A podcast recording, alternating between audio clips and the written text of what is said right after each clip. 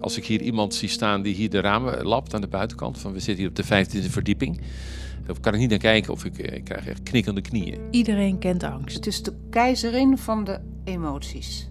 Het is de meest belangrijke en de vroegste van onze emoties. Hij is er het eerst. Hij is er zodra je geboren wordt. Maar niet iedereen lijdt eronder. Vliegen natuurlijk, dat gaat ook niet.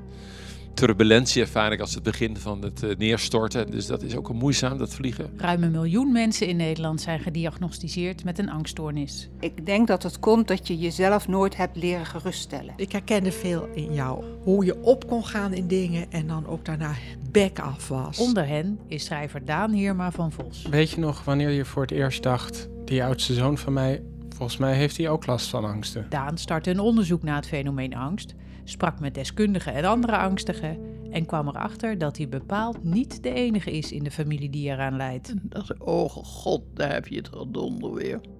Nou, daar had je het weer. VPRO en NPO Radio 1 presenteren de Angstpodcast. Binnenkort in je podcast-app of te beluisteren via vpro.nl of nporadio1.nl.